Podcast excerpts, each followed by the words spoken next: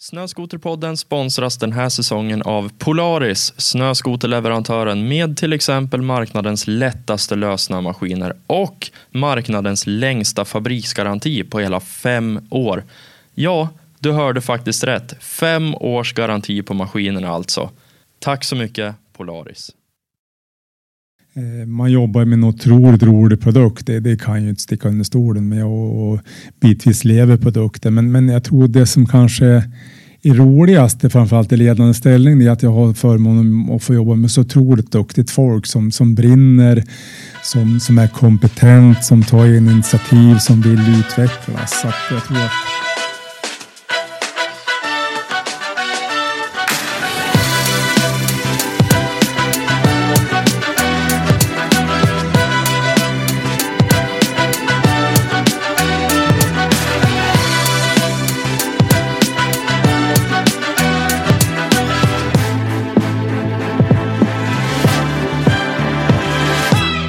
Hej allihop och hjärtligt välkomna till avsnitt nummer 24 av Snöskoterpodden. Solen skiner och vi har bra skoterföre i stora delar av landet och än så länge så har vi kort sagt en kanonvinter.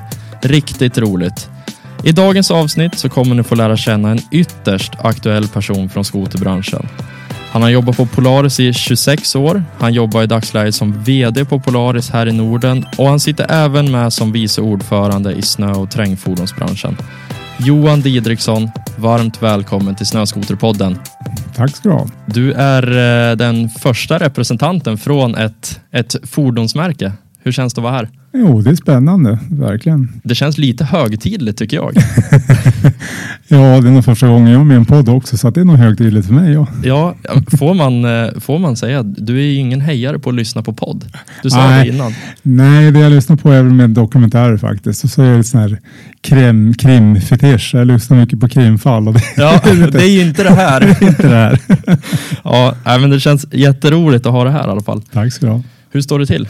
Bara bra. Vi kan inte klaga. Branschen är...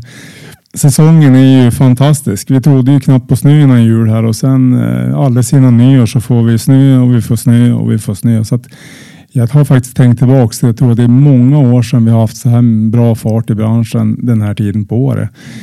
18 hade vi mycket snö, men eh, det är klart det kom över hela säsongen. Men nu kom ju framförallt vårat distrikt eh, otroligt mycket snö på en gång. Så att, nej, det är bra. Man ska skratta. Ja, ja men verkligen. Och vi hade ju en liten halvtaskig säsongsavslutning här efter, efter förra säsongen. Precis. I och med att corona kom in i bilden. Ja. Eh, och då var väl alla lite, lite småförsiktiga. Så att skoterbranschen var väl lite skakig då, men än så länge så har vi ju klarat oss otroligt bra. Fantastiskt bra. Man ska vara ödmjuk för det också. Absolut, och jag, jag kan väl säga att min bild av när coronan och pandemin slår till, det var faktiskt vi var i Hemavan på vår konferens. Vi skulle just till att köra igång roadshowen. Vi hade amerikanskt besök.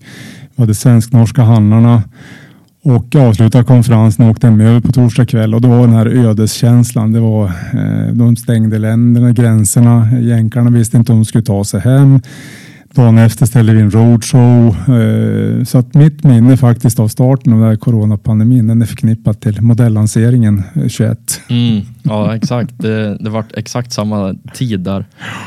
Äh, vi får vara jätteglada att det är som det är i alla fall. Och det är en Verkligen. kanonvinter. Men vintern, den har ju varit bra, som vi precis sa.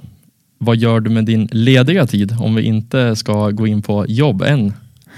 Nej, men det är klart i pandemins tecken så vi, jag har en fjällstuga som jag har haft till fjälls i, i många år och det har ju varit min tillflyktsort när det var som mest jobb också så att jag spenderar jättemycket tid där med, med familj och skoteråkning och sen är det klart tittar man lite grann här med hemmakontor och är väl inte min vanliga vardag. Jag har ju rest upp till 200, 200 resdagar per år och men jag har försökt förvalta den. Jag, jag tränar mycket i mitt liv. Jag fick lite uppehåll när karriären tog fart. Och, men jag har tagit upp träningen så att jag tränar en hel del. Um, flitigt, både konditionsmässigt. Jag har ju styrkemässigt hållit på med styrkeidrotter men nu är det mer, lite mer konditionsbetonat. Så att, Du åker inga längdskidor? jo, åker längd och springer lite fjällmarer. Och, Ja, det är så. Du, du är så jäkla vältränad.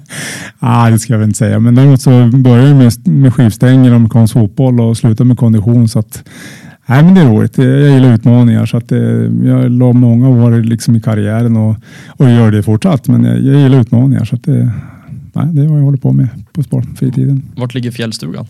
I Oviksfällorna. Så vi brukar åka slalom på, på lördagar och sen på söndag åker vi antingen lite längd eller man tar en skotertur. Så att, eh, Bydalen? Bydalen.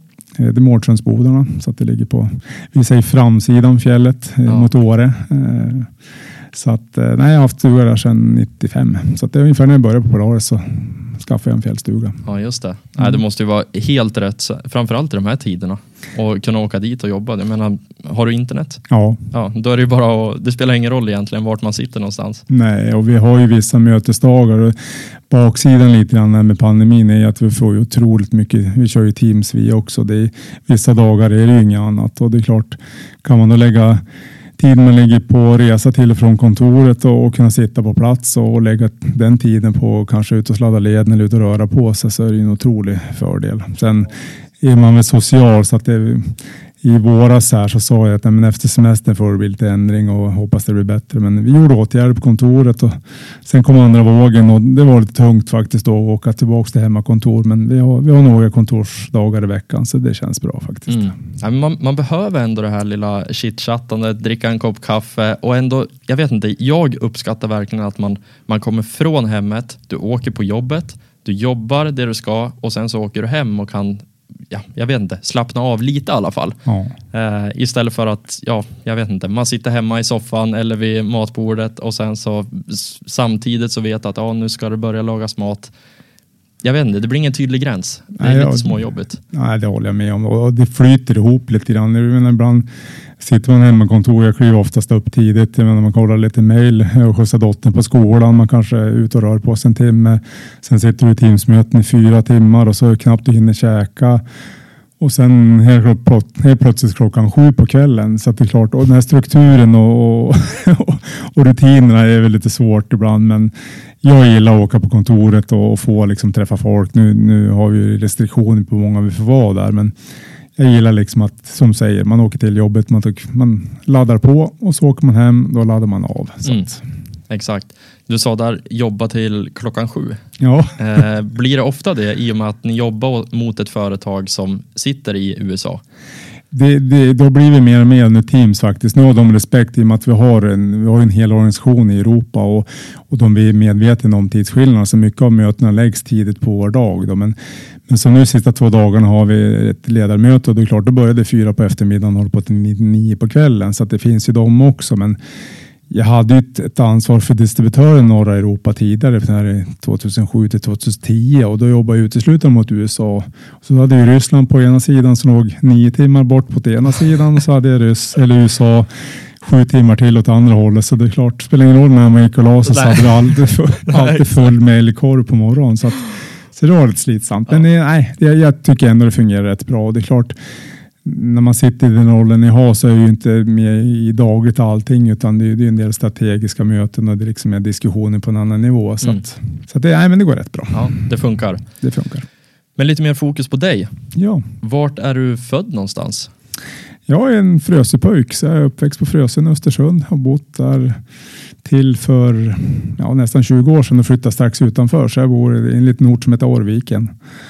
Men uppväxt på Frösön. Eh, gått i skolan på Östbergsskolan. Eh, jag fortsatte senare till gymnasiet på inne på stan på Vargentin. Eh, fortsatte på eh, högskolan så jag är ju i botten utbildad maskiningenjör.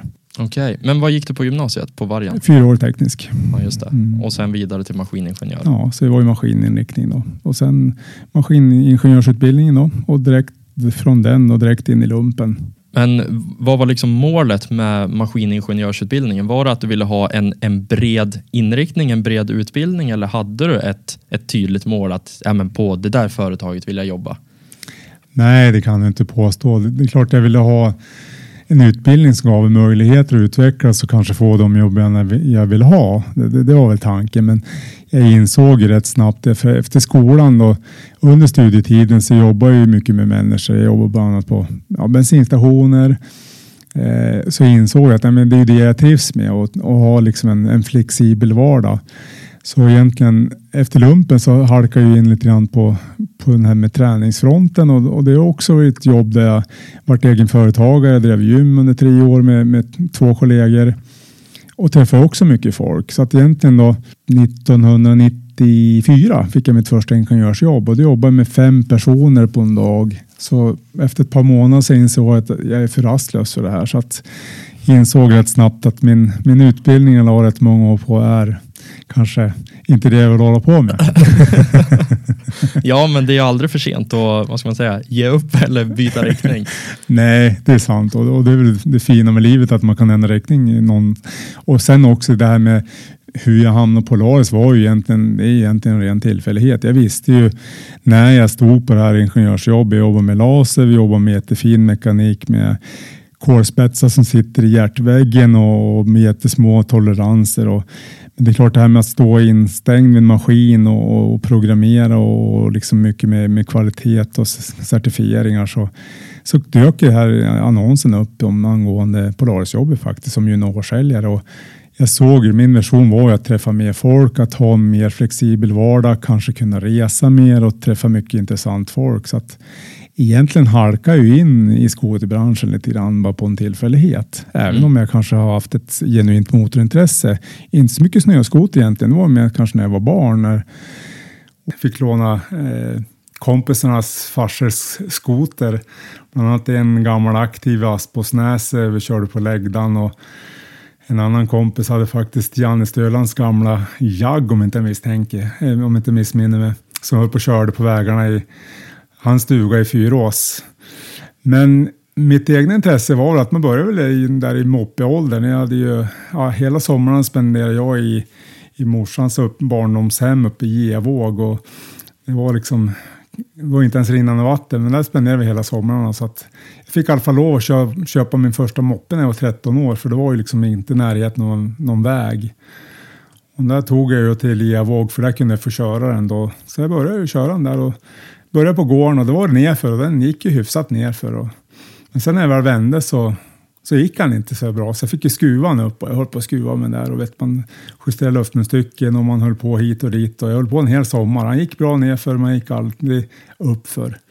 Och det är ju det som är det absolut jobbigaste. ja, man vill ju gärna att den går uppför. det var en bra träning. Men Ja, ja, jag la en hel sommar på den här i alla fall. Man var 13 år så att man hade ju som sagt ingen kunskap. Men när jag väl kom hem då så tog jag hjälp av en äldre kompis. Jag sa nu må jag hjälpa med moppen. Så jag får inte till den. Så vi började titta på den där i alla fall och la väl någon, knappt en halvtimme och där vi insåg att eh, den jag hade köpt den hade tagit bort trottelnålen så satt ingen trottelnål i den. Så jag tror inte hur mycket ens jag hade skruvat med den så hade den aldrig gått. Åh, har du jävlat en hel sommar? Men... Eh, ja, shit happens. Shit man lär sig ju. Ja, det är väl det som är bra med livet. Det är lite grann på misstagen man, man lär sig. Så att. Ja, men exakt. Så motorintresset, det har du ju haft ganska länge, men rent sportsligt, vad har du gjort då som inte har med motor att göra? Det jag gjort tävlingsmässigt så är att jag spelade fotboll som barn som alla andra. Farsan var fotbollstränare. Eh, mina kusiner åkte utför på rätt hög nivå så jag åkte utför i tre år. Fick lite problem med knäna så fick sluta. Eh, började vid då tillfället och jag tror att det var kanske i början på sjuan. Då började jag faktiskt styrketräna och man köpte BK Sport, eh, gymtidningen och började träna tidigt. Så att, och sen halkade jag in på amerikansk fotboll så det spelade jag i sex säsonger. Och det, är, det är väl kanske roliga idrottsliga jag gjort med, med, med teamtillhörighet. Det är ett stort lag, vi var 45 spelare. Men väldigt skumt att spela det i Sverige. Ja, en liten sport. ja, verkligen. Men du har alltså du har jobbat som maskiningenjör ett tag. Du har ja. jobbat på mark, du har spelat fotboll, du har spelat hockey. Ja, inte ingen hockey. Inte nej, hockey, nej. nej men du, Åkt utför. Ja, utför. Eh, amerikansk fotboll. Du är superaktiv. Ja, jag gillar att göra saker. Det, det, är klart, samtidigt som man i den här rollen och jobbar mycket så det är klart man, man vilar en del, men sen är det ju så att jag vill göra saker. Jag är ute mycket och gör saker och framförallt reser. Även fast jag reser mycket med jobbet så, så tycker jag det är jätteroligt att resa, se saker, träffa nya personer, människor. Och, så att, eh, nej, men det, jag gör mycket. Det, det är klart. Men då är, då är du väl rätt man på rätt plats nu i alla fall? ja, jag insåg nog inte liksom Polar som företag, vilka möjligheter det har faktiskt gett mig. Det är klart, som sa, jag har varit där i 26 år och haft mycket möjlighet till utveckling och Polaris är ett företag som utvecklar folk och vill du saker så, så får du göra saker. Så att det, då är ju, trodde jag väl inte när jag började att jag skulle vara så pass länge och haft så många olika roller och, och att det har gett mig så otroligt mycket. Jag har ju snart sett, inte hela världen, men stora delar av världen. Så det har ju varit en otrolig resa.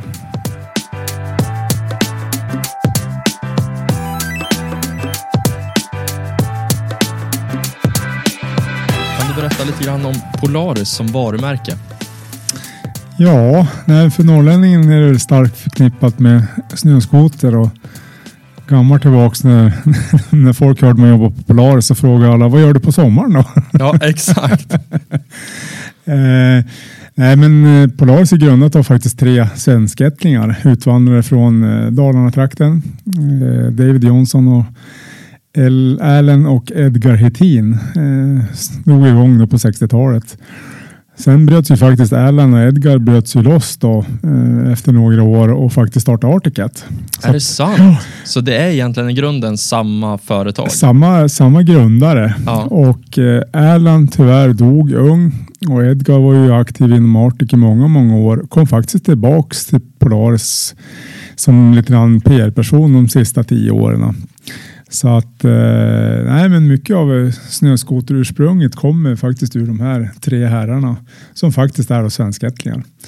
Eh, och det är lite intressant och, och även då Polaris har ju varit otroligt fin tillväxt de sista åren och, och vi äger ju även fler varumärken, bland annat Indian Motorcycle och det är också en svenskättling som är med där som heter Oskar Hedström från, från södra Sverige. Så att man har mycket Eh, huvudkontoret ligger ju i, i, Minneapolis, Minnesota som är svensk stat. Eh, fabriken ligger i Rousseau på kanadensiska gränsen. Namnet härstammar ju från Polarisstjärnan, alltså Polstjärnan som är tydlig i Minnesota och även här i Sverige. Så det finns mycket svensk kopplingar faktiskt. Men jäklar vad roligt. Det hade jag faktiskt ingen aning om. Ingenting av det. Nej, och första gången när jag kom till Roseau faktiskt, det är ju många år sedan, men då, då frågade de faktiskt om, om jag hade någon, någon släkting där, för då visade att läkaren i Roseau hette också Didriksson. Så att eh, det är hemskt mycket svensk, svensk klingande namn där och faktiskt vi hade med oss återsäljarna till eh, till Rousseau för ja, det är kanske snart 15 år sedan. Och vi satt faktiskt runt en, vi åkte fyrhjuling ut och satt kring en jaktstuga ute i skogen. Och då hade personalen från fabriken som vi besökte och tagit lite, lite, lite äldre folk som satt runt stugan där. Och vi hade bland annat med en, en kille från, från Mora mm. som kunde gammal Moramål och lite älvdalska och visade sig när vi satt där och, och grillade och, och innan vi skulle åka tillbaka så pratade gamgubbarna faktiskt eh, gammeldalmål och, och älvdalska. Men gud vad roligt. ja. Nej, så, Världen så, är liten. Ja. Nej, så Polaris är ju, är ju mycket svensk förknippat. Och, har ju även då på sistone, man har köpt, man, har, som, man äger ju Climb, man äger 509 man eh, köpte ett företag som heter Boat Holding här för snart två år sedan som har bland annat då Bennington-båtar och eh, ja, också en stor operation. Ja, men, och sen har du nyligen, eller Polaris har nyligen köpt något, vad är det, elfordonsmärke också? Ja, Zero. stämmer det. Ja, man har ju Zero, Zero Motors och där har man ju, ser man ju en stor tillväxt på, på elfordon framöver. Så det, för oss är det ju en spännande tid framöver också. Vi förväntar oss att det kommer rätt mycket som är förknippat med el. Då. Mm. Och, men du sa ju här, här eh, innan, jag tror att det var innan vi började spela in också, att skoter, det är inte en jättestor del av Polaris hela business, även om det är så starkt förknippat med just snöskoter. Ja, framförallt här i Sverige då. Ja. Eh, men i, i början när jag började jobba så ibland var man nere på mässor nere på, på södra Sverige och det var innan fyrhjuling vart stor och då var det ju Polaris. Är det, vad är det, är det en, en husvagn eller en glass eller vad är det liksom? Så att, Så att, men, men faktiskt idag, faktum är att snöskoter, ser man omsättningsmässigt så snöskoterdivisionen är faktiskt bland de mindre i, inom Polaris. Så att, eh, och tittar man lite på skoterutvecklingen även i USA, när jag började så hade man ungefär en tillverkning på 110 000 maskiner. Man åkte mycket i, i ja, men Midwest, man åkte dikena, man åkte till, till baren. Det var rätt gammal generation skoteråkare och Tittar man idag så är ungefär produktionsvolym ungefär 30 000 mm. och med lite plus minus då. Men, men egentligen på ja, egentligen under tio år så, så faktiskt en tredjedel av, av, av storleken försvann i USA. Mm. Men vad beror det på då? Var det att det började bli dyrare, dyrare maskiner? Var det något annat som gjorde? Jag tror det så var det generationsväxlingen. Det här med att sitta och åka dike var inte lika roligt och tittar man idag så är det mycket friåkning. Men, men mycket är nog här till, till snö, bristen på snö. Så att eh, Minneapolis hade ju snösäkert för 15 år sedan men idag är det inte alls lika säkert. Så att, det finns en stor Polarishandlare på vägen upp mot Rousseau. När man åker buss då, åtta timmar upp till Rousseau från Minneapolis så passerar vi alltid en handlare. Och tittar man på 90-talet så såg han ungefär 1200 snöskotrar. Oj! Och jag tror idag så ligger ett bra år så ligger han kanske kring 200. Så mm. det, det, är nog mycket knutet till generationsväxling men framförallt snö. Mm. På snö. Och framförallt då där i närområdet också när det kanske är så starkt. Vad ska man säga? Hela, hela staden kanske andas Polaris för man vet att det är därifrån. Ja. Sen när det börjar bli sämre med, med snötillgången just där så ja, det påverkar ju såklart hela företaget. Ja, klart. Jo, jo men det gör det. det, gör det. Okej, okay, ja, men vad spännande. Hur har branschen förändrats under de här åren som du har jobbat? För du har ju ändå, ja, vad ska man säga, du har ju jobbat i 26 år. Jag vill inte framhäva dig som gammal men Nej, men det är klart att tittar man lite grann. Jag började ju som sagt då 95. Vi var då en privat ägd distributör som var norskägd av ett företag som heter Kellogg's. De finns kvar fortfarande idag. Inte var... Flingbolaget? Nej, Kellogg's med X.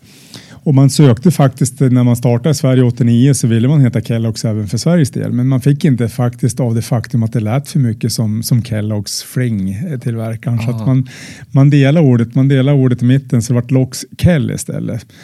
Så företaget jag började för var och Loxkel AB. Eh, och det är klart, tittar man lite grann på återförsäljarantalet då så var det nästan 100 återförsäljare över hela Sverige eh, skoterhandlare var nog åtminstone ett 65-70-tal och tittar man idag då så är det ungefär, vi har ungefär 35-36 handlare. Så att för det första så har ju återförsäljarantalet gått ner så att eh, snittförsäljningen har nog gått från kanske på den tiden 25-30 maskiner till närmare 75-80 per handlare i snitt. Så att det är klart volymen har ökat, det har blivit större distrikt, det har liksom blivit en, en annan lönsamhet.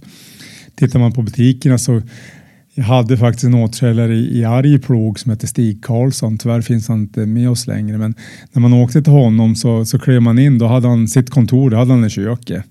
Showroomet, då hade han vardagsrummet, då hade han en kläsnurra. Och sen hade han verkstad, då bodde han i ett litet radhus med ett litet garage. Då hade han verkstaden i garaget. Och så hade han utställningen på gräsmattan innan, innanför staketet. Ja men det var lite så i många butiker ja. förr att du hade kanske, du ställde upp en skoter i skyltfönstret. Mm. Och sen resten, det var inrätt som ett vanligt hus egentligen. Precis. Att du hängde upp lite kläder på väggarna. Ja. Det var ju inte som idag att det är några jätteanläggningar som är liksom flera tusen kvadratmeter. Nej. Nej, och det är klart kostnadsbilden är helt annorlunda då också. Men det är klart, och det är väl bra att branschen har lyft upp sig. Jag menar, och mycket handlar ju om när, när vi börjar. Vi, vi, Lockskill var då från 95 till 02.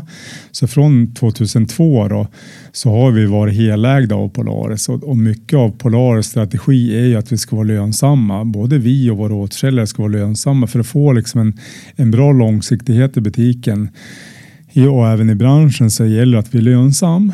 Och, och det är klart från att gått från vissa C-ratade som kallar B-ratade Eh, och de starkaste är ju A eller AAA-ratade. Så, Kreditvärdighet alltså? Ja, hur stark man är kreditmässigt. Då. Från att vara haft många C-ratade och kreditsvaga till idag där vi har uteslutande kreditstarka. Så att det är klart, branschen har ju ändrats radikalt på de åren jag fått vara med på. Och gammalt tillbaka så var det ju så man åkte lite grann kring kåken eller uppe i fritidskåken. Det var mycket touringmaskiner. Mm. Vi såg rätt mycket white track. Men idag så är det ju mycket av vår försäljning, närmare 80 procent, är ju mycket friåkning relaterat till friåkning. Så klart, det har ju hänt jättemycket. Mm. Det, har gjort. Ja, det, blir, det blir mindre mindre nyttofordon, skulle man kunna säga så? Ja, framförallt i fordonen man använder gör man kanske mer saker med. Alltså tittar man traditionellt när man köpte en Wiretrack förut, ja men då, då drog det hem lite ved och så drog det liksom skoterlederna. Våran Titan idag, den, den är ju, ja, du kan ju på morgonen kan du dra skoterleden med den. Eh, du kan koppla på tvåsitsstyrning och stör familjen ut. Och sen på eftermiddagen kan du ta en liten sväng med polarna och åka lite lösnö med den. Så du gör ju, en sån maskin gör det ju mycket mer så att det segmentet är ju nästan borta. Och sen är det klart, det är ju otroligt mycket lösnöåkning. Det är det ju. Mm. Det har det utvecklats ditåt. Du jobbar ju idag som vd på företaget Polaris Scandinavia AB. Du sa att ni från 2000, vad sa du, 2002, 2002, ja. då, då är det helägt av Polaris. Vad, är det liksom, vad är det för skillnad? Eh, Förut så var det ju så att då fick vi, när vi köpte, när man som distributör köper in maskiner, då, då får du ett pris från USA. Sen bygger du upp ditt et, egna ett återförsäljarnät. Och du tar ju du har egen teknisk avdelning och liksom USA, Polaris USA har ju liksom inget ansvar egentligen efter man har sålt maskinen till distributören. Då i ett led för att, att bli mer och få bättre marginal både för sig själv och för återförsäljarna. Så nu går ju vi direkt så att vi har ju vårt huvudkontor i Östersund och sen har vi direkt vårt återförsäljarnät. Så vi har ju liksom ingenting. Vi har ju tagit bort ett led Mm och det är det är en rätt radikal skillnad. Eh, och det har ju varit en strategi för Polaris där, där liksom det finns möjligheter och, och vill ha en stabilitet i marknaden. Då går man in och så skapar man en, ett eget dotterbolag. Då. Så senast ut var ju Finland. Då. Så att Finland var ju privatägd distributör då av ett företag som heter Brant till för tre år sedan. Där vi då gick in och, och, eh, förhandlade för, eh, distributörsavtalet och avslutade det och gjorde en smidig, smidig övergång där personalen, mesta av personalen följde med över då till Polaris Finland. Då. Och mestadels också av återförsäljarna följde också med. Då. Mm. Man gjorde en liten rensning där man haft en del handlare som inte var lönsamma, som hade svårt att betala. De, de, de tog man bort. Då. Men man får ju mycket liksom en struktur redan klar. Då. Mm. Och det betalar vi för. När man liksom gör ett sånt övertagande också så, så är ju också Polaris med och ta en typ av goodwill där man har byggt upp varumärket under många, många år. Så att man går ju inte på något sätt lottlös i en sån, en sån process heller. Men det, det är någonting som har skett. Men det nu. blir liksom ändå att man har en, en bra backning från Polaris centralt då.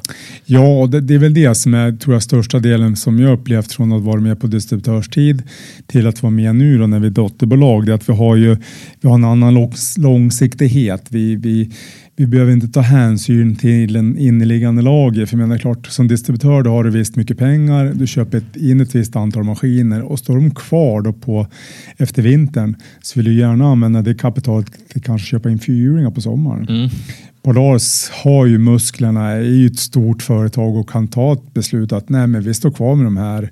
Vi sänker inte priserna eller gör någonting utan vi, vi fortsätter utan vi tar åtgärder för det nästa år. Så att långsiktighet är väl det som är framför allt tongivande för att vara anställd direkt av Polaris. Då. Mm. Ja, men det förstår jag. Men bara av ren nyfikenhet, när ni då flyttar maskiner från USA, alltså ni fraktar hit dem till Norden, blir det då att de liksom, ska man säga, säljs från Polaris USA till Polaris Skandinavien eller är det mer en form av lagerflytt? Förstår du vad jag menar? Ja, jajamän. Alltså blir det så att ni måste göra ett rejält påslag på priset för att ni i Polaris Scandinavia måste ha en viss marginal? Det svaret kan man utveckla långt som helst men om man, tar det, om man tar det enkla svaret först så är det ju så att Polars eller snöskoten har ett visst värde i marknaden och vi har svårt att ta ut någonting om, om marknaden säger att en, en lösningsmaskin ska kosta 170 000 så kan ju inte vi ta ut 200 000 för den så att mångt och mycket är det ju marknaden som sätter priset. Men, men det som är det att vi, vi beställer maskinerna på vårkanten. Vi lägger ju faktiskt vår säsongsorder för kommande år redan i april när vi avslutar våran snorcheck. Så ungefär en vecka efter vi avslutar snorchecken då skickar vi vår fasta order på produktion till USA. Och sen då kommer de då redan då kommer de på höstkanten oavsett vad som händer. Om det kommer en pandemi eller inte så, så kommer de maskinerna för de är produktionsplanlagda. Men, men rent fysiskt så faktureras i det här fallet då vårt dotterbolag i Schweiz. Eh, och från där då via det svenska bolaget och ner till återförsäljaren. Då. Så Mm. det är ju en, en, en process som går. Då. Och det är klart det är påslag på, det är ju först är det frakt till, till kust och så är det, det ska in i en container. Och lite grann med, ja men bara en utmaning idag, det här med pandemin så är det ju att containerpriserna är snart fyra gånger mer än vad det var liksom innan pandemin. När vi flyger så har vi liksom begränsat med flyg. En flygfrakt normalt kanske tar tre till fem dagar. Nu tar det innan vi kommer på planet kanske två veckor. Mm. Så att det är klart allting har blivit dyrare. Det tar också längre tid då. Men det, ändå, det, blir ju ändå betydligt mycket smidigare än om ni skulle vara då, som du sa, att det var förut, privatägd distributör som liksom ska ta in grejerna. Det är det ju och, och som sagt, jag menar, vi, nu delar vi skoterlaget med, tre- på tre länder. Vi har ju dotterbolag i Sverige, Norge Finland. Så att vi har ju en förorderprocess och vi har snowcheck där kunderna beställer sitt. Då. Och när väl det är klart, när vi levererar det, ja men då är det ett öppet lager. Så då lagerhåller vi, då kan handlaren beställa på dagen och titta vår lagerstatus. Och så lägger man in order och så går ju då centrallagret faktiskt för Sverige-Norge ligger i Östersund, både på reservdelar och skotrar. Mm. Så att det är ju, vi ligger rätt nära liksom Men för, hela, skoterhjärtat. för hela Norden För alltså? hela Nordsverige, Norge, Finland kan man säga. Nu, nu flyttar vi skotrarna till Olo i Finland i fjol. Men när vi tittar lite grann på lagerläggning nu så är mycket av skotrarna går faktiskt genom Östersunds lager. Det är ju roligt. Det Ja. måste väl eh, slå lite extra för ditt Östersunds hjärta. Ja, svenska Polarshjärtat också. Men, nej, men det har väl varit en lite grann av vår strategi. När vi väl vart dotterbolag så var det faktiskt snack om att huvudkontoret för Polar ska hamna nere i Göteborg. Och, Helt ologiskt ju. Ja, och jänkarna sa att nej, men personalen flyttar vi med. Och, och säga det till en norrlänning. Ja, så, visst. så, så, Andra vägen runt, då hade det kanske gått. För att då kan det vara lite exotiskt att komma upp till Norrland och åka lite skidor och sådär. Men Ja, Nej, och det, det framgick rätt tydligt att folk var inte villiga att flytta så det gick rätt snabbt så vart det bestämt nej men huvudkontoret i Sverige skulle hamna ligga kvar i Östersund och, och det, det är vi stolt för. Jag menar, vi brinner ju för produkten och för branschen och mycket av kanske min och, och Polars strategi i Sverige har ju varit att hitta rätt folk på rätt ställe liksom och, och istället för, menar, Östersund har ju haft mycket skotermärken, vi har haft representanter från från eh, Yamaha. Eh, vi har haft eh, distribution av, av Aktiv. Så jag menar, och de har ju flyttat lite grann från Östersund.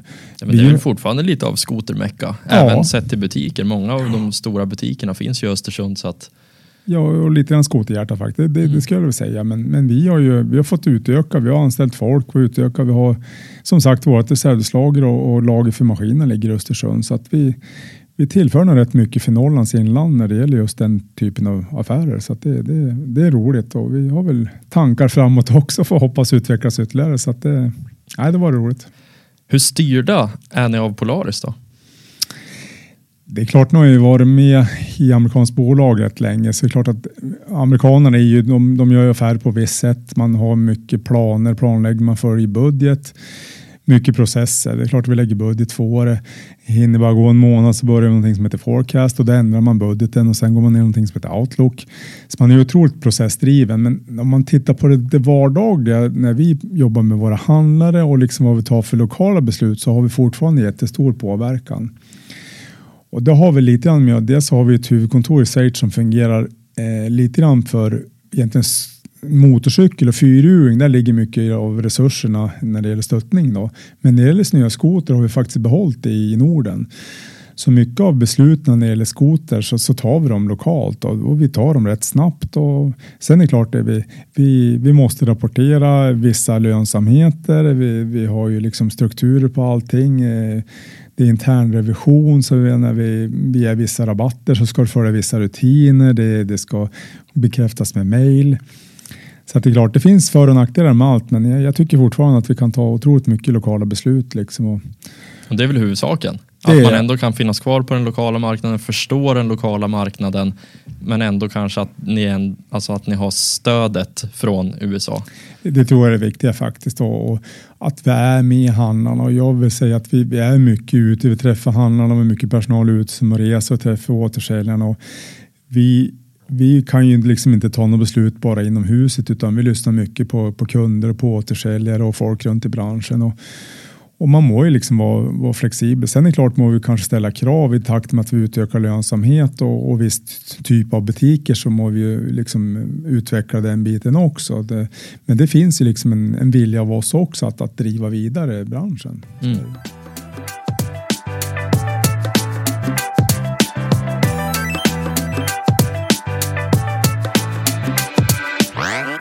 Om vi kommer tillbaka lite grann till dig.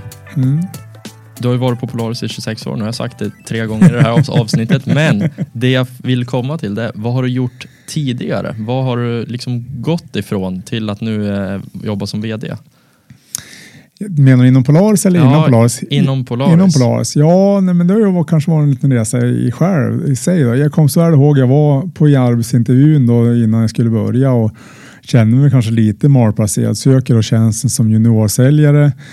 Eh, var utbildad så att min dåvarande chef sa till mig att "Ja, men varför söker du det här jobbet? Du, har ju liksom, du är lite för högutbildad. Och då sa jag att Nej, men jag, vill, jag vill träffa folk. Så den vägen var in då, men, men rätt snabbt då så fick jag ju börja resa. Så att jag, jag fick hela Norrland faktiskt på mitt bord så att jag började resa. Och Det är litet jag distrikt. hade, jag hade då 45 handlare från Gävle och norr och körde väl 5-6 tusen mil per år. Hamnade oftast på fredag kväll eller fredag morgon uppe i Kiruna så var det full fart hem för helgen då. Men och fick då efter några år då ett produktansvar för snöskoter inom Lockskill och Sverige då. Så att eh, 97, 98 någonstans och då jobbade jag redan då började lite grann med, med skoterfrågorna och och lite grann volymer och sånt. Då. Sen vart vi dotterbolag. Då, då vart det ju distriktsansvarig säljare för, för Mellan. Så det jobbade jag med från 2002 till 2005. Alltså direkt då i Polarisbolaget. Då. Eh, rapporterade till min eh, nuvarande chef faktiskt. Jag har fortfarande dagtruls. Fick då förtroende att bli marknadschef. Så jag satt som marknadschef då för Sverige och Norge mellan 2005 och 2008. Och någonstans där 2008 så hade vi en möjlighet att, att det skulle få bli distributörssäljare, alltså ju ansvarig för våra distributörer utanför dotterbolagen. Och det var då Island, det var Ryssland, det var Polen, det var Danmark och det var Benelux. Så då jobbade jag med det från, ja, från 2007 då till 2010 och reste väl 220 dagar om året. Lugnt.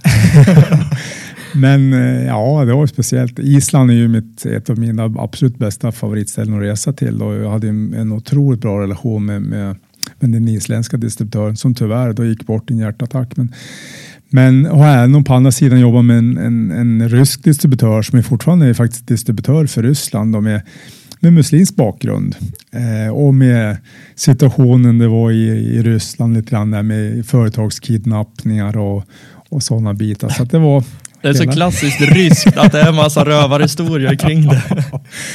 Men och, och förhandlingar, alltså jag, jag låg sömnlös många nätter när vi förhandlade snöskoterpriserna. Jag fattade inte riktigt vad det handlar om, liksom vad som hände. Men det var ju en del av spelet och liksom lite grann den, kulturen var ju att försöka förhandla så hårt det gick. Då, så att, men i alla fall från, från det tjänsten då, till 2010 då, till, till att bli Ja, det heter ju country manager, alltså vd för svenska bolaget. Då, som jag, den, den rollen har jag än idag. Då, men, och när vi vart direkt i Finland då fick jag också ett försäljningsansvar. Så jag för, ansvar för försäljningen för Sverige, Norge, Finland. Men kanske det som är som även de jag ovan med som, som kanske folk inte egentligen tänker på det som kanske ändå är roligast är att ju sen ett, ett antal år och sitter även med i utvecklingsgruppen då på, i snögruppen från, direkt från Polaris. Då. Så att jag har ju fått möjligheten att få vara med i, i, i produktutveckling de sista sju, åtta åren. Då. Så att, eh, Och det här tycker jag är jättespännande. Här, här har jag tusen frågor. Jajamän. Ja, men vad är, vad, är det, vad är det roligaste? Jag tänkte vi ska komma in lite på produktutveckling, men Mm. vad är det roligaste med själva jobbet du har nu? Nej, men det är väl som med allting. Dels så kan jag aldrig förutspå dagen. vad- Man har en, en agenda när man åker på jobbet och man vet att när man kommer hem på kvällen så har du kanske två grejer till att göra. Det, du kan inte förutspå dagen. Eh, man jobbar med en otroligt rolig produkt. Det, det kan ju inte sticka under stolen med och, och bitvis lever produkten. Men, men jag tror det som kanske det roligaste, framförallt i ledande ställning, det är att jag har förmånen att få jobba med så otroligt duktigt folk som, som brinner, som, som är kompetent, som tar in initiativ, som vill utvecklas. Så att jag tror att jag tror att det, det, det absolut viktigaste är ju det jobb, det är de personer jag har runt omkring mig och för, förmånen att jobba med. Och när jag åkte hit faktiskt så, så satt jag och tänkte lite grann på det, det, det är nästan lite Hotel California. Du checkar in men aldrig ut för vi, har, vi anställer folk men sällan någon som slutar. Så att vi är nu ungefär 20 anställda och jag räknar med ungefär 260 års erfarenhet med Polaris. Så att vi har vi har kompetent folk och, och, och folk brinner, man behöver sällan säga åt, folk tar egna initiativ. Eh, nej, men man, man brinner för det man gör och det tror jag är det roligaste. Det där är ju ganska unikt, framförallt idag när det är, det kanske mer förr, då var det att man, man, man börjar på ett jobb, lite gamla skolan så som du är Ja. skolad. Men man börjar på ett jobb och sen så är man kvar där. Men idag så är det lite annan mentalitet. Men det är kul att ni har lyckats behålla det på Polaris. Att folk verkar ju trivas. Det måste ju vara jätteskönt för dig i din position. Ja, det är det ju. Och jag tror också Polar som företag, för det första så är det en rolig produkt också, men sen har man också en strategi att man vill utveckla folk. Och, och jag tror generellt, är du jobbar i en miljö där, det- där det är roligt, man får uppskattning, liksom att du får chanser, så, så, så tar du chans. Du vill som person utveckla det. Och jag ser ju den, den firman jag började för 2002 är ju inte ens i närheten av vad den är idag. Och jag tror att det gör väl också att det är inget statiskt jobb utan det är ett dynamiskt företag. Det är mycket egna initiativ, det är mycket eget ansvar. Vi, vi har många chanser att göra roliga saker. Och, och jag tror det är väl det folk värderar mycket, liksom, att man, man också jobbar lite extra för att, att nå dit. Mm. Det är det som kännetecknar en passionsdriven bransch. Ja. Många vill och det är ju jäkligt positivt. Men något annat som är positivt, den här produktutvecklingsbiten som du pratade om. Du har varit med i det, vad sa du, sju, åtta år? Sju, åtta år ungefär. Ja. Mm. Berätta lite mer om det. Nej, men jag, jag sitter ju som, som första kontaktperson utanför Nordamerika när det gäller både utveckling och lite grann med specifikationer och vi tittar på segment. Vi tittar lite grann på vad utvecklingen är, lite grann vart, vart man kan hämta någon typ av volym. Och, så, att, så att det är otroligt eh, roligt och ju faktiskt i takt med att vi blir viktigare och viktigare också för snögruppen. Men att från början var vi kanske 5% av tillverkningen. Idag är vi en snudd på en tredjedel. Så det är klart att de lyssnar ju på ett, helt annat sätt på oss också nu idag i och med att vi har blivit så betydande. Så, att, så att det är ju roligt att få ge de inspelarna. Sen har vi ju utvecklingsgruppen i över åtminstone en gång per år. Och jag har ju fått vara, äran att vara med på hela vårt Titan-projekt och Titan är ju egentligen kanske första avknoppningen med det här arbetet. Där Och vi, för då, eh, lyssnare som kanske inte har stenkoll, det är ju alltså eran bredbandsmodell. Ja, vår, vår, vår nya bredbandsmodell då, som, som är då, som kallar en extreme crossover egentligen på så att man, man ska ju- man ska kunna göra do everything sled kallar man det och det är väl lite grann liksom som var målet. För klart ska vi in i det här segmentet igen med bredband och eventuella andra alternativ så, så är det ju man släpper vi in produkter där våra konkurrenter ligger idag som matchar den så, så är vi rätt snabbt tvåa för det är klart de ligger ju också några, några år fram. Så det här arbetet började faktiskt, vi var uppe i Åksjön och det, det var nog sex eller sju år sedan och vi påpekar vikten av det här med hur den ska prestera i snön. Liksom. Jag menar här med, I USA åker de ju oftast 60, 70, 80 kilometer i timmen. De åker på en, en pistad led som är Ja, det, är bred. som, det är som en väg, Ja visst. motorväg. Så vi tog dit ett antal maskiner. Vi körde dem på de knöligaste lederna som går i Åkersjön. Liksom vi drog pulka, vi drog sladd, liksom vi åkte lösnö, vi åkte men alla förhållanden. Och, och då var det lite grann som, jaha, är det så här det menar? Är det så här sakta ni går? Är det så här ni vill att bogen ska fungera? Är det så här? Så att, och då började lite grann det arbetet då, med, med framtagningen av den. Och så det är väl egentligen första stora frukten vi ser av det här arbetet. Och nu är det inte bara jag utan det var även mina eh, tekniska kollegor och även min finska kollega nu sitter jag också med. Så att, men vi kommer ju se en, en hel del avknoppningar av de här arbetena framöver. Och, Så det är ju jäkligt roligt. Och du har alltså suttit med i sju, åtta år ja, och ni påbörjade titanarbetet för sex år sedan ja ungefär. nästan sju år sedan. Och den ja. kom för, är det tre år sedan? 2018 då, ja. Ja, tre år sedan. Så Ja. att typ tre, fyra år då tar det från idé till verklighet. Ja, det är det. Så då blir jag jättenyfiken nu på att veta vad det är som kommer komma sen. Ja, titta första mars på kvällen och på natten och mot den andra mars. Då Ja, kommer se en, eh, ett par modeller till som är avknoppning. Så att, ja, det blir Shit, spännande. spännande.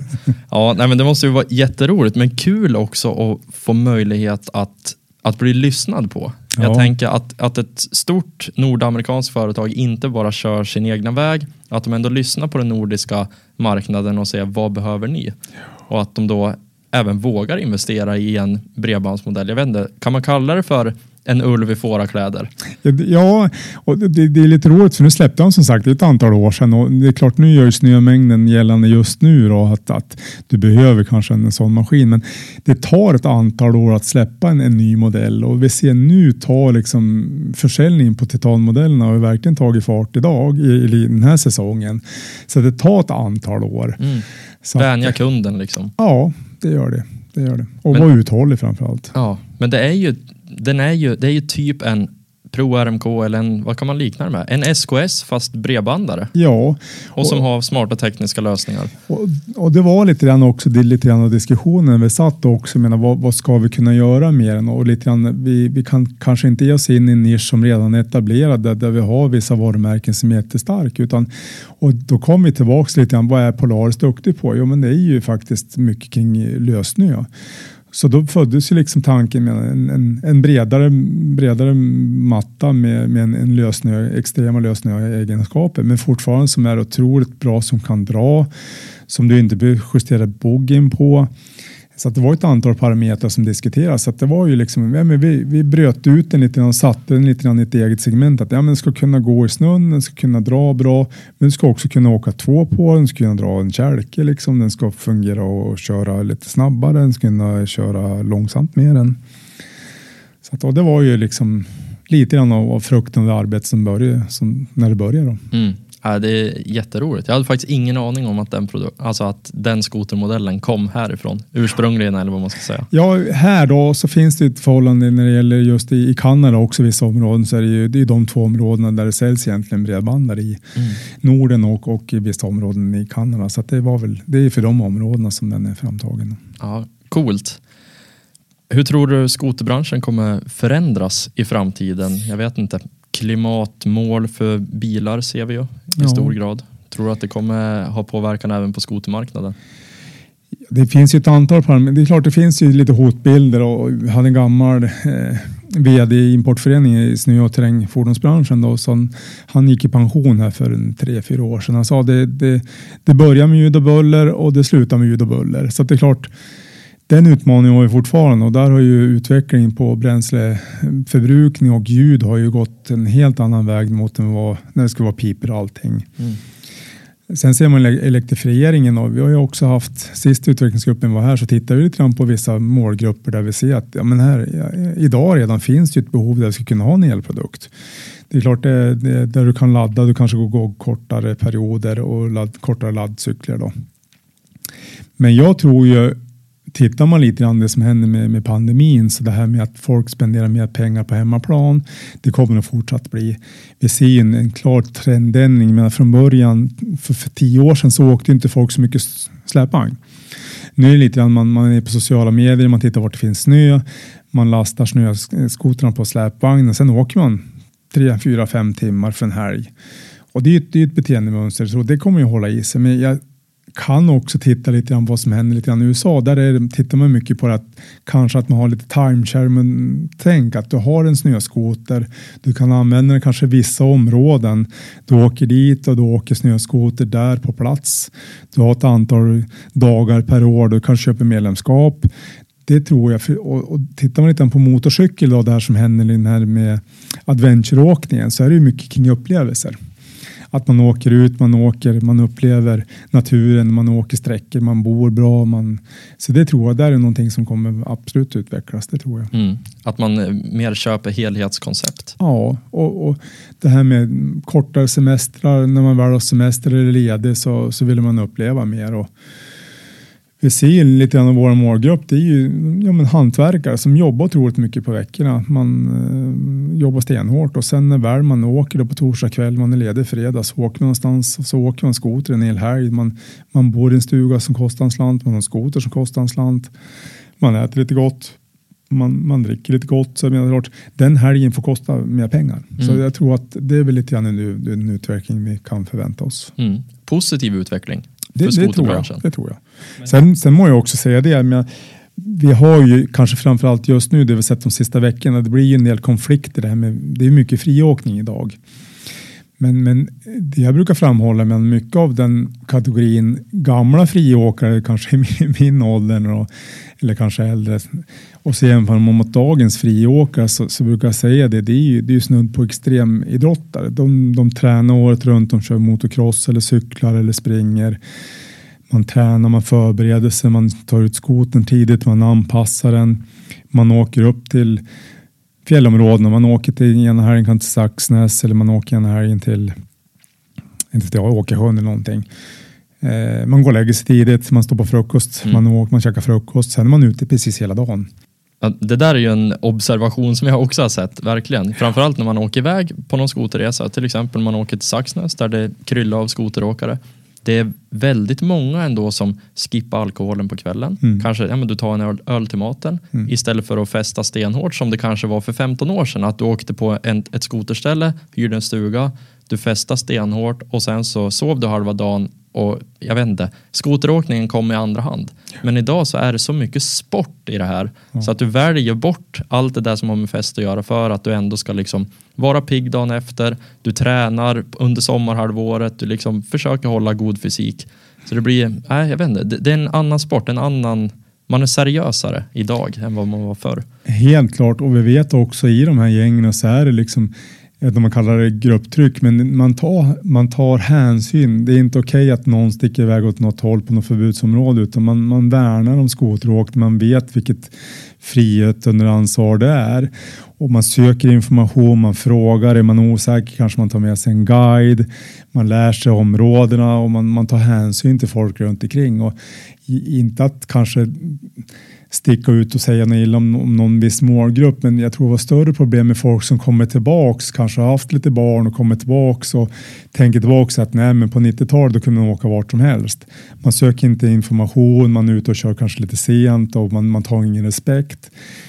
Jag tror att det problematiken är kanske lite högre i de, i de målgrupperna faktiskt. Ja, nej, men det tror jag verkligen. Och när vi ändå är inne på det ämnet så det är ju en av utmaningarna i skoterbranschen. Det här just att, som du säger, vi har frihet under ansvar. Det gäller att alla drar sitt strå, strå till stacken. Det gäller att alla tar sitt ansvar hela vägen, för annars så kommer det bli förbud.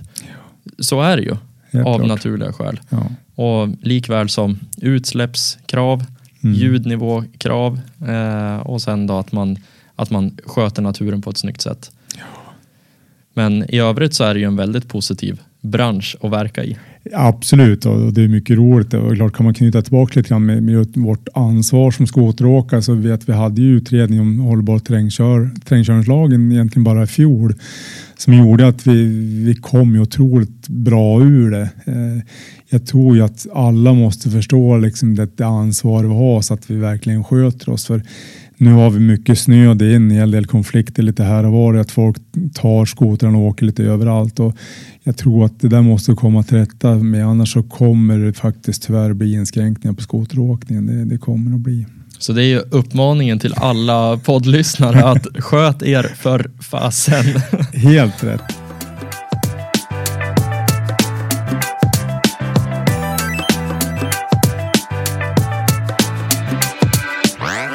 Du har ju drivit gym, som du sa eh, ganska tidigt nu i eh, den här intervjun. Har det kommit något positivt av det om man tänker ledarskapsmässigt och från egenföretagande till att du liksom nu har den roll du har?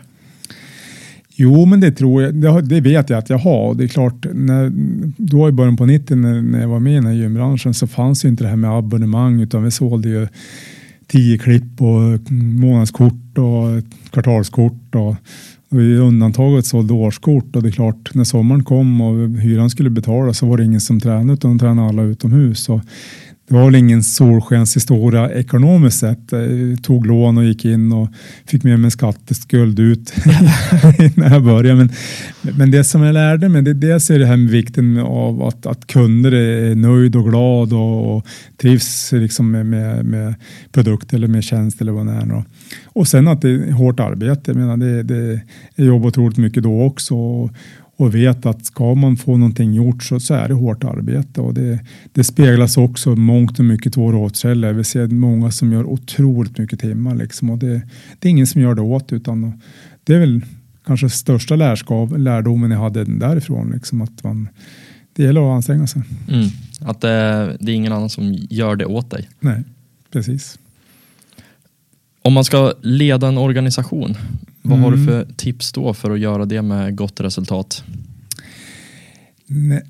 Ja, det, är, det har väl växt fram genom åren. Jag vet inte hur jag är som ledare idag. Det, det, det, jag har ju varit, fått vara i tio år, men jag tror det som är viktigt är att, att folk runt omkring det får göra det de är bra på och det de trivs med och, och, och uppmuntra. Jag menar, piska fungerar sällan utan att hellre uppmuntran och, och ge, frihet. Och vi har ofta sagt det, det, det är bättre att ta ett beslut och att det blir fel och att vi lär oss av det än att vi inte gör någonting alls. Utan, och, och vi stöttar liksom, menar, det, vi gör inte allt rätt långt därifrån. Vi, vi har mycket problemområden som vi försöker lösa, liksom, vi löser löpande. Men jag tror att man som, som anställd få stora utrymmen att styra sin egen vardag, att ha möjlighet att påverka situationen, att komma med idéer dra egna erfarenheter och, och att det liksom sätts in i, i, rutiner som vi tar och, och utvecklar. Det, det, tror jag är, är, är jätteviktigt. Sen är det klart är, det att vi har ju haft vi har ju som sagt många som varit med länge hos oss och trots att de har jobbat 20, 25, 30 år så brinner de otroligt mycket för jobb och sina kollegor. Och, så att det är väl att, att kunna uppmuntra folk och, och ge, ge, möjligheter, det tror jag. Och, och det har väl också Polaris hjälpt till. Vi som har ledande ställningar inom Polaris har ju en, en otrolig möjlighet att ge inspel på men ges det möjligheter till utveckling, till exempel ett distributörs och säljarjobb, så kan ju vi titta på personal vi har och utveckla en sån person under ett par år till en sån roll. Och jag, min chef Truls sa ju mig tidigt mitt första utvecklingssamtal med honom så, så är en del av frågeställningen vart ser du själv liksom, vad vill ha för roll? Och jag var rätt snabb och säga att jag vill ha ditt jobb. jag vill sitta på din stol. ja. Men, men inte med det sagt att jag skulle ha det, men däremot så har jag getts möjlighet att få göra det. Och, och jag vill väl också anse att jag också gett folk runt omkring mig att få, chans, få den chansen att, att ta och utvecklas. Så att... Nej men så är det väl och som du, som du sa förut om piska fungerar sällan. Morot är ju så mycket bättre och att du då håller moroten framför näsan, du får möjlighet att ta den om du vill ha den. Mm. Det är väl någonstans det bästa sättet att driva, driva folk och en organisation framåt. Det tror jag helt, i alla fall. Helt klart. Helt klart. Och sen är det klart också återigen när jag får jobba med både partners och samarbetspartner att, att jobba med en produkt. Menar, vi får ju otroligt mycket frågor varje vecka egentligen att delta på roliga saker, roliga, roliga samarbeten. Och klart, där har ju produkten ett visst värde, att det, det är en rolig produkt. Både fyrhjuling och snöskoter och motorcykel i alla fall. Gör ju att vi får jobba med mycket roliga personer. Och, men det är klart, inget, inget gör sig självt utan det vi, de flesta av oss gör så otroligt mycket timmar bitvis. Det är en säsongsbetonad produkt och vi har liksom det är klart att vissa anställda har kontorstider, vi har vi svarar telefon vissa tider men det spelar ingen roll vem jag ringer på en kvällstid eller någon ringer så, så svarar vi liksom. Mm. Och det, och det tror jag, jag, jag tror en ynnest att få jobba med sånt folk faktiskt. Jag, men det har väl lite grann kanske med produkten och, och göra och intresset att det är en fritidsprodukt. Ja, det är ju passionsdriven produkt. Ja. Och sen det du sa också där om att man, man ska tillåta folk att göra fel. Mm. Det tycker jag är en väldigt intressant grej. För det finns en det finns ett gammalt ordspråk som säger, har du inte gjort någonting så har du heller inte gjort någonting fel. Men har du inte gjort något fel, då har du inte gjort något rätt heller. Nej. Och det är ju så, man måste ju ändå våga ta beslut och vara så pass Ja, du, du ska ju ha den stöttningen bakifrån också, att du, du får ta fel beslut. Ja. Och sen så rättar man till det i så fall. Och och mångt och mycket är det misstagen du lär någonting av. Så att, så att det är klart, det, det gäller ju att ta lärdom av det vi gör. Och, och, men jag tror, vi har liksom lite grann uttalat inom vår organisation att det ska vara lätt att göra med. Nu, bitvis är ju liksom, vi börjar bli så pass stor, vi har lite en annan eh, vad ska man säga, affärsstruktur än vad vi hade för 15 år sedan med att ha huvudkontor och vi har lite annan orderläggning och, och, och sånt. Men, men det måste fortfarande finnas utrymme för var och en att, att kunna ta sina egna beslut. Eh, och det tror jag är viktigt också att man, man utvecklar bransch och, och företag som sådant. Så att. Du har ju som sagt jobbat väldigt länge på Polaris. Då måste det ju ha hänt, förutom då alla liksom framgångar och allting positivt som har hänt under de här åren. Finns det någonting som har hänt som du, eh, vad ska man säga, dråpligt eller något skämmigt eller något i den stilen? Något som du känner, jäklar det där vart ju helt fel. Eh, fundera lite grann. Jo, men det, det är klart det har, det har ju varit både tråkiga och roliga saker. Tråkiga saker det är ju att vi har jobbat med outsäljare i många, många år som tyvärr har lämnat oss. Då. Det är ju alltid känslosamt när man har haft en samarbetspartner i många år som, som lämnar. Men en liten rolig grej som faktiskt som, som är lite dråplig och lite skämmig, det är, vi, det är faktiskt i fjol. Vi har ju, som jag sa, snittåldern på oss som jobbar eh, blir äldre och vi har faktiskt blivit peppade av framförallt Kristina hos oss som är sportig, har längdskidåkare på, på elitnivå som åker Visma Classic. Och, och, eh, så lite grann i den tråden så har vi börjat åka lite skidor. Vi har ju sponsrat faktiskt Vasaloppet under nästan tio års tid tidigare men, och fick starter med Vasalopp och allting. Men ingen använde dem för då var det bara fokus på jobb, det var bara fokus på skoter. Och, så sista åren har vi faktiskt börjat rört lite mer på oss. Vi har sprungit blodomloppet, eh, många av oss på jobbet och vi har börjat åka skidor. Så i fjol faktiskt anmälde oss till Vasastafetten. Så alla tränar ju. Precis när vi skulle till att åka ner, vi hade ett två lag faktiskt med fem personer i varje. Så vi satte oss i bilen och åkte ner över mot Sälen-starten där. Och fick Ni var ändå en hel del då? Ja, det var vi. Var faktiskt, vi lånade in två personer. Dels eh, eh, Lars, då maken till Kristina och sen en kompis till, till en av våra anställda. Så vi var faktiskt två inlånare. Men vi hade, vi hade tränat en hel del. Så på vägen ner så fick jag faktiskt samtal av en person som, som skulle åka Nattvasan. Eh, och frågade om, om vi hade någon plats över i något av våra lag. För han ville gärna åka startsträckan, för den går ju på fredag morgon och sen går Nattvasan och sen på fredag natt. Då. Och hans kompis han skulle åka med skulle åka i ett annat lag på en startsträcka eller andra sträckan. Så han frågade om har ni någon plats över så kan jag gärna ställa upp och åka. Var, var det här för att han skulle liksom testa banan i förväg? Ja, då? precis. Åka ja, delar av sträckan. Då. Så att eh, jag sa, ja, men vi har inte träffats allihop och tränat allihop, så att, eh, ge mig bara några timmar så när vi kommer ner till Sälen ska jag prata med allihop om det är någon som är lite förkyld eller krasslig, om det är någon som kan tänka sig att kanske inte åka. Så, att, så han bara till Sveg så kom ett sms, har du hört någonting? Så han var jäkligt på liksom. Jag tänkte, det här är ju lite roligt. Så vi kom ner i alla fall på kvällskvisten till, till stugan då nere vid, jag tror Hundfjället och frågade allihop hur, hur känner ni och ni tränar och är alla pigg och alla var supertaggad. Så att eh, nej, det var ingen som ville hoppa av så att jag var tvungen att ringa upp den här personen. Och, så jag ringde upp och sa nej tyvärr jag har ingen sträcka sa jag. Det, det, det var tränaren ihop och för det sa jag förresten så tar vi inte in någon fördetting och den faktiskt som jag pratade med var ju Marcus Hellner. Nej! så att vi nekar faktiskt en OS-guldmedaljör. Så att, men vi har haft ett samarbete med Marcus under flera år och han hjälpte oss att ta fram teamkläderna. Har eget klädmärke så att han skrattade lite gott så att han, han tog ja, det på rätt roligt. sätt. nej, du bara, nej tyvärr, du, nej, du får inte vara med i vårt elitlag här på Polaris utan du, du, du får leta något annat. Precis. Ja, vad roligt. Ja, så var det en rolig historia.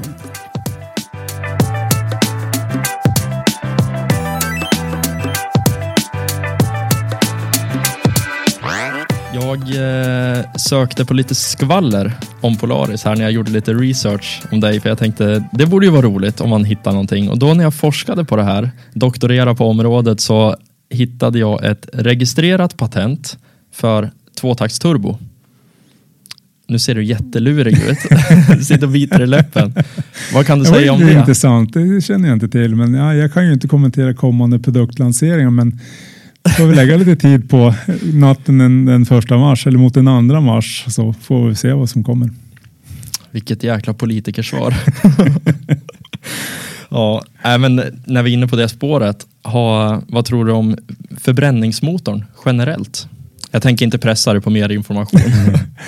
Nej, och det är klart den utveckling som har skett är att vi följer helt och hållet nordamerikanska EPA-reglerna och nu nytt för år är att vi och även med våra maskiner följer något som heter NRMM då, som följer maskindirektivet. Och vi ser teknologin nu på tvåtaktsmotorer. Det är klart de är mycket, mycket renare. De, de, de drar mindre, de släpper ut mindre, de låter mindre. Eh, så jag tror att den utvecklingen kommer fortsatt att gå. Sen i och med att vissa segment har ett krav på hög effekt och lågvikt så, så tror jag att det kanske tar tid innan, innan förbränningsmotorn helt försvinner. Men jag tror ju att den kommer hänga kvar ett tag. Nu blir det ju så att våran 550 när de är förgasare, det är ju sista året vi ser av den i år och det är ju ett led i att ta bort om man kallar det smutsiga motorer då. Mm. Så att eh, det följer ju utvecklingen och jag tror att det är ju det är bara att ställa om det, det är det ju. Ja, men det där med el är ju superspännande för du har ju konstant effekt. Ja. alltid effekt. Och det skulle ju lösa rätt många problem med höjdskillnader, variatorkit, olika... Ja, man hör ju liksom maskiner går ju olika beroende på vilken höjd man är på. Vissa produkter fungerar i USA, vissa produkter fungerar inte i USA. Medan de är anpassade för nordiska marknaden. Så att har du el, då är det liksom ja, det är ju en strömbrytare. Det är ju bara att trycka på gasen. Vi har ju tittat på det här liksom och diskuterat lite grann också. Det är klart, en elmotor har ju så lång livslängd kontra en förbränningsmotor. Den är ju dyrare och det är klart, tittar man, man skulle leka med en uthyrningsfirma då, och så har man en elskoter. Den elmotorn skulle kanske klara tre chassin. Det innebär att man skulle kunna flytta över elmotorn i tre kommande snöskotrar. Det är en intressant tanke. Det är det absolut. Det som är lite grann när det gäller uthyrnings verksamhet är att de bygger lite grann sin lönsamhet att det finns ett andrahandsvärde på den maskinen man kör varje år. Så man kan köpa maskin för x kronor och man kan sälja den för y kronor och att det finns ett andrahandsvärde på den. Tittar man lite grann på driftsbilden på att man ska köpa in en elmotor som är rätt dyr med ett chassi och sen ska du skrota två chassin eller tre chassin mm. och inte få någonting för det så tror jag att den ekonomin är lite svårare att få ihop för en uthyrningsfirma. Miljömässigt så är det nog kanske till och med sämre än att du släpper ut lite avgaser under de turer som du gör med den skotern. Ja. Jag vet inte nu, jag är ingen Nej, och man får väl se lite grann också när det gäller hur man utvecklar eldrift. För klart kan man leka med tanken och liksom jag tänkte, när man har en snöskoter, du har ett batteripack du stoppar i batteripacket i skotern och så har du tre till och så kör du en stund och så byter du enkelt ett pack och fortsätter. Mm. Lite grann som Tesla att de byter batteripacket på, på vissa stationer. Då. Det är klart, då får du en annan räckvidd, du får liksom ett annat bruk. Du kan ha ett antal laddackar på ladd som du bara byter när kunden kommer in och du fortsätter åka. Så att, och då kan det bli intressant. Men jag vet också att vi hade utrustning på Chris Brant när han körde en dag och det är klart, tittar man den effekten han gör med på sin åkning på extremlösnåkning så jag tror, någon, jag tror man uppskattar batterikapaciteten på en sån maskin, vikten på maskinen skulle bli närmare 900 kilo. Och det är klart, då ja, faller det är svårt. Exakt, när han bygger en maskin som väger 190 kilo och har en effekt på 240 hästar. Ja, precis. Nej, det ja, så har vi här med, med som det alltid är, liksom, jag menar, det är yttre faktorer. Vi, vi, vi håller på med snö, det kan vara olika snöförhållanden. Du har kall, kalla omgivningar liksom ner mot 35-40 grader ibland. Och sen på en vårdag så har du liksom plus 10 och där är ju också utveckling med teknologin på tvåtaktare idag. Det är ju att det är ju de ska vara så bränslesnål på vissa segment på varvtal så att man måste liksom justera hela, hela bredden. Och det är klart en sån miljö som, som en snöskoter går i. Jag tror, jag tror inte det är någon, någon motoralternativ som går i en sån miljö egentligen. Det är ju väldigt ogynnsamma förhållanden, förhållanden för en snöskoter. Jag menar det är oftast kallstart, ja. typ alltid. Så här, olja mår ju sällan bra av eh, kyla. Eh, du har stötdämpare där det sprutar, ja du kanske fraktar den på en släpvagn, det sprutar sten och grus samtidigt som du nästa dag ska ut och hoppa 20 meter med den. Likväl som att alla komponenter går långsammare, det är fetter som ska fungera och allting. Så det är ju, ja, det är ju sämsta tänkbara förhållandena för en snöskoter att gå i. Ja, och så tittar man lite grann på det segmentet som säljer mest nu så är det ju det är extrema förhållanden. Men det är en extrem maskin som ska liksom ha vissa typer av serviceintervaller. Medan mattan ska sträckas på vissa intervaller medan den ska ut i extrem miljö. Så att det blir ju mer och mer extremt utvecklat också. Så att det är ju bitvis kanske inte vem som helst kan sätta sig på en sån maskin och köra den heller. Utan det, det är återigen, det blir lite grann åt ett extremsport. Det är som en lätt löpsko liksom. Den är extremt utvecklad för viss löpstil liksom. Mm. Och det är ju lika med en lösningsmaskin. Den är, byggd och gjord för att gå i två meter lösnö och så ska vi då på vårvintern ta den över en sjö och det är stenhårt och så är det Då stöter man på problem. Ja, nej, men det blir minst sagt spännande att se vad, vad framtiden erbjuder tycker jag i alla fall. Det är ju jättemycket som händer på teknikfronter och eh, även vad ska man säga, rena komponenter i form av lättviktsmaterial och grejer. Så det blir äh, jäkligt spännande.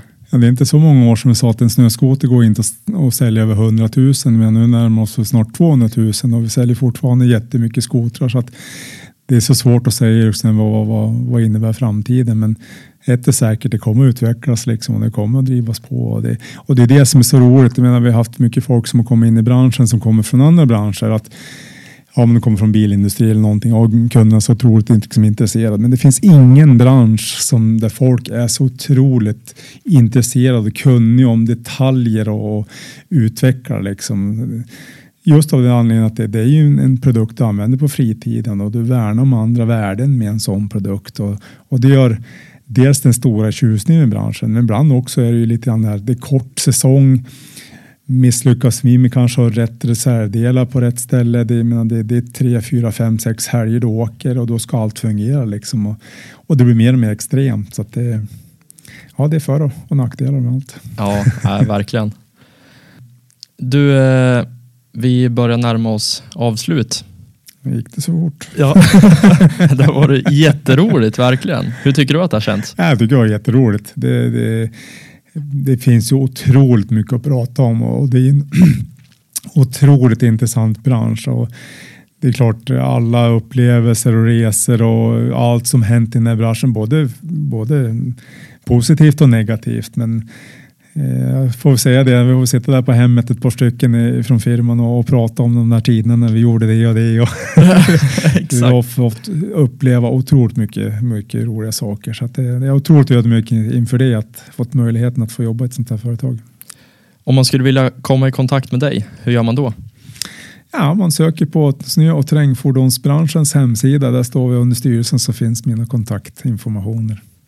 Skulle du vilja säga någonting som jag inte har frågat om? Nej, men det som kanske var lite roligt att berätta är någon rolig episod. Det var ju många roliga episoder, men någonting som, som faktiskt sticker ut det var på, redan på Loxkel-tiden. Jag, jag tror om inte missminner att det här var en RXL som hade vi kommit in via en handlare på, på höst, ja, alldeles i början på säsongen och kunde lämna in den och han hade ställt bort den på vårkanten och hade inte gjort någonting mer än när han tog fram den på hösten så startade den inte när maskinen har åkt in hos återsäljaren och de hittade inget fel på den. Jag la ner många timmar på den, fick inte, hitta inget fel på den. Eh, den Sedermera hamnade hos Motorteknik som gjorde mycket motorjobb åt oss på den tiden och erkänt duktiga mekaniker också. Så den genomgick liksom riktiga en tekniska riktig, undersökningar? Ja, och hamnade i alla fall efter många om och men nere hos oss. Då. Så våra tekniker stod och hade nere i serviceverkstaden och tittade på den. Och hittade ingenting på den heller. Och det var liksom när man gick ner ibland, man tog en kaffekopp och funderade lite grann och då stod båda teknikerna och tittade på den och så säger ena killen åt den att eh, dra den och den gick, den startade och så den tände till och sen, sen stannade den. Så till slut så säger Christer och Liv som var vår servicechef på den tiden, så, så jag tror det var Anders Häggman som drog i snöret, så dra en gång till. Dra en gång till. Och jag plötsligt såg hon att variatorn gick baklänges.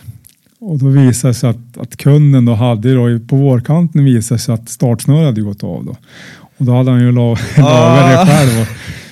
Tätt på och startapparaten åt fel håll och bänt in fjädern åt fel håll så att när väl drog startsnöret så snurrade variatorn åt fel håll. Och så motorn gick åt fel håll? Han skulle försöka tända åt fel håll. Ja, oh, herregud. nu går ju två takter baklänges men det var väl lite grann med elektroniken att den gick inte baklänges då. Men hade då kunden liksom direkt på när återsäljaren frågade vad du gjort med den sagt att startsnöret gick sönder i våras, jag bytte det. Då hade vi ju, det där var löst på en gång, men nu gick det den långa ah, vägen. shit.